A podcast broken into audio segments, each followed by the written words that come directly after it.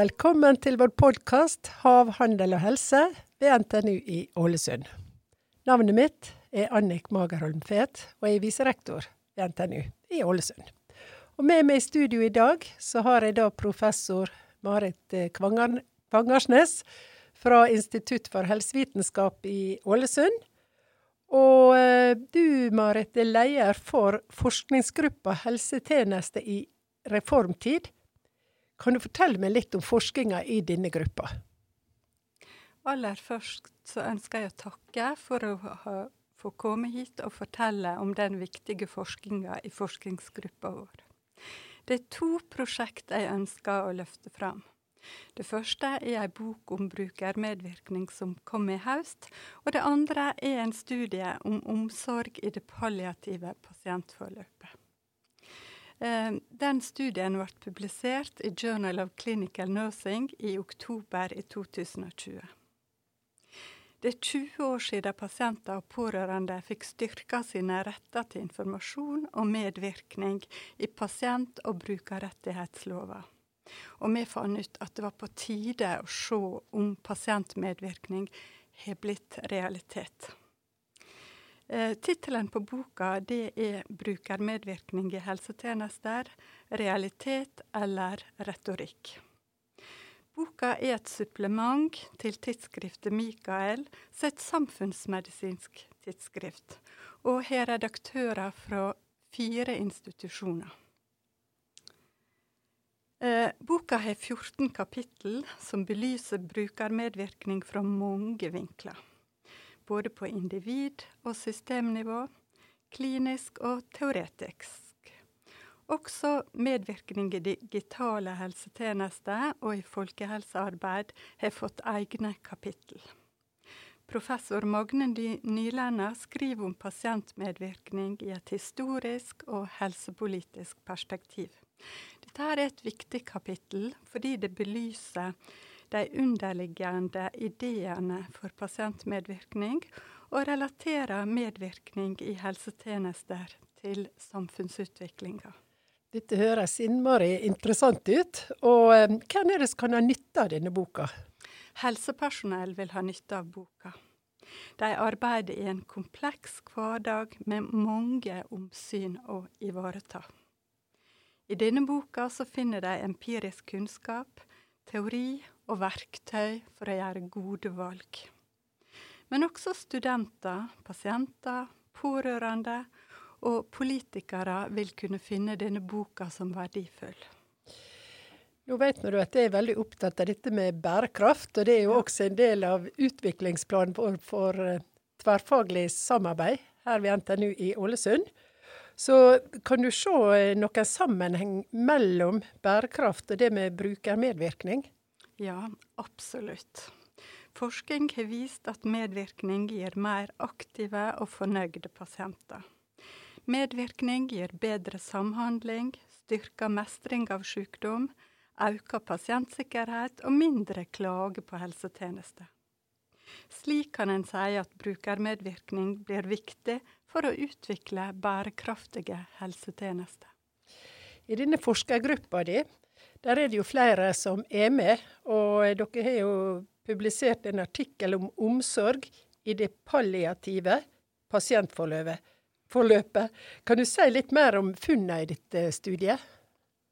Ja, i denne studien så har vi undersøkt hva er god omsorg i de ulike fasene av det palliative eller lindrende forløpet. Vi har nytta ei teoretisk referanseramme, Compassionate Care, som kan omsettes til omtenksom eller medfølende omsorg. I denne tilnærminga er det viktig å være åpen, empatisk, merksom på pasient og pårørende sine behov. Men i tillegg er det også viktig å handle i samsvar med behovene deres. Tre Temaer relatert til ulike faser av forløpet ble analysert fram. Det første temaet det handler om dialog og informasjon. I den første fasen må helsepersonellet etablere en god dialog med pasient og pårørende, og gi informasjon om hva helsetjenester de kan forvente å få. Første fase det definerer vi som de første dagene etter at pasienten har fått informasjon om at han har fått en uhelbredelig sykdom. Mange er preget av sjokk og sorg i denne fasen, og de er ikke alltid klare for kontakt med helsepersonell. En sykepleier sa det slik når vi greier å få etablert tidlig kontakt, da blir det mye enklere å arbeide sammen på slutten. Andre fase, det har vi kalla å skape et rom for å dø.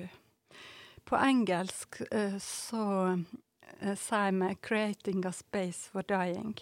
Og jeg synes den engelske eh, Dette temaet uttrykt på engelsk det er litt bedre, for det er ikke snakk om bare et fysisk rom. Pasient og pårørende har i denne fase behov for avklaringer, støtte, trygghet, forutsigbarhet for hva som vil komme. Et rom for å dø er preget av tillit, samarbeid, gode relasjoner, empati, merksemd, fysiske rammer, kompetanse og lavt tempo. Symptomlindring og fravær av støy og konflikter er også viktig. I studien ble det fortalt om en mor med små barn som ikke kunne godta at hun ikke ville bli frisk. Sykepleiere svarte henne da slik. Jeg håper også at du blir frisk, men vi må ha en plan B. På denne måten responderte eh, hun slik at hun viste at hun lytta til mora på en måte som understøtta både håp og realisme. Interessekonflikter mellom familiemedlemmer kan være ei utfordring. Det kan også skje at familiemedlemmer har urealistiske forventninger om behandling. Når slikt skjer, så må helsepersonell ta en aktiv rolle i å informere og balansere ulike konflikter for å bidra til at pasienten får ro til å dø. Siste fase har vi kalla familiens aksept av døden. Behandlingsvalga bør være avklara i forkant. Ei felles forståing mellom helsepersonell og familiemedlemmer i den terminale fasen er viktig. Det ble formidlet at samtaler med etterlatte ikke alltid blir tilbudt på en systematisk måte. Sykepleierne erfarte at mange har behov for en samtale med de som var til stades da pasienten døde. Det er alvorlige ting du snakker om her, og viktig kunnskap du setter fingeren på. Så kan du si litt om den verdien som denne kunnskapen har? Ja, det kan jeg. Eh, studien den tilfører kunnskap om kvalitet i omsorg i ulike faser av det palliative forløpet. Kunnskapen kan være verdifull både for helsepersonell og pårørende. Og for tida så er det en nasjonal debatt om palliasjon. Ei stortingsmelding har vært til høring og er under debatt. Det viser seg at bare 13% av alle som dør i Norge, dør i heimen, ifølge tall fra Folkehelseinstituttet. Regjeringa ønsker at pasienten skal få større valgfridom til å bestemme hvor de skal være i siste fasen av livet, og hvor de skal dø. Vi tror at funnene i vår studie kan være nyttig uavhengig av eh, hvordan tjenestene blir organiserte. Ja, som sagt, det er viktige ting som angår oss alle, enten vi er, jobber innenfor eh, utdanning, og slik som du gjør, da, professor innenfor Institutt for helsevitenskap, og eh, ved NTNU i Ålesund så har vi jo en, eh, en plan for tverrfaglig samarbeid. Mm.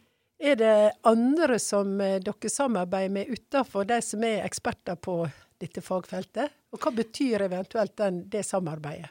Ja, altså, jeg syns vår forskningsgruppe så er vi forskere med ulike profesjoner. Der er leger, samfunnsvitere, sykepleiere. Eh, og det syns jeg er fint. Eh, fordi at eh, i praksis så må en samarbeide om mange tema.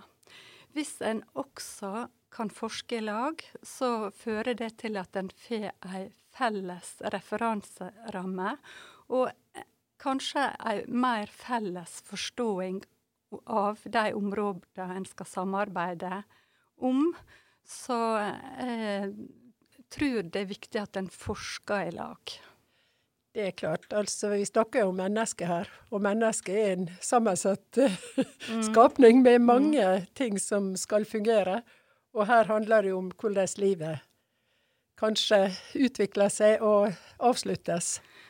Ja, og jeg tenker når vi har eh, tverrprofesjonell forskning, så, så, tilfører det eh, flere perspektiv som gjør at en i større grad får fram kompleksiteten i ting.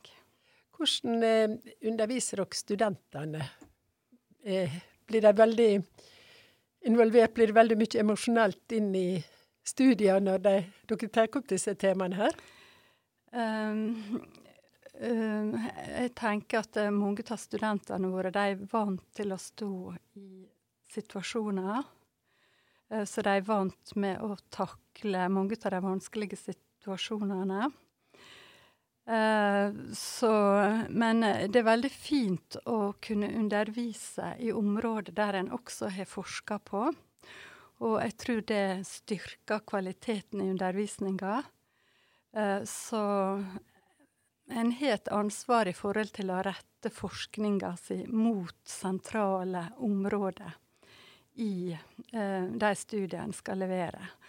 Og dette her med akutt og kritisk sykdom, det er et viktig område i, på Institutt for helsefag. Tusen takk, Marit. Jeg syns det var interessant å få eh, høre hvordan dere jobber tett sammen og på viktige ting som angår oss alle. Så dette her regner jeg med dere jobber videre med å utvikle enda mer forskning som er på tvers, og også med andre eksterne som jeg forstår dere gjort da som bakgrunn for den boka som dere har skrevet. Ja. Så tusen takk skal du ha. Og tusen takk for at jeg fikk komme. Kjekt å ha deg her. Mm.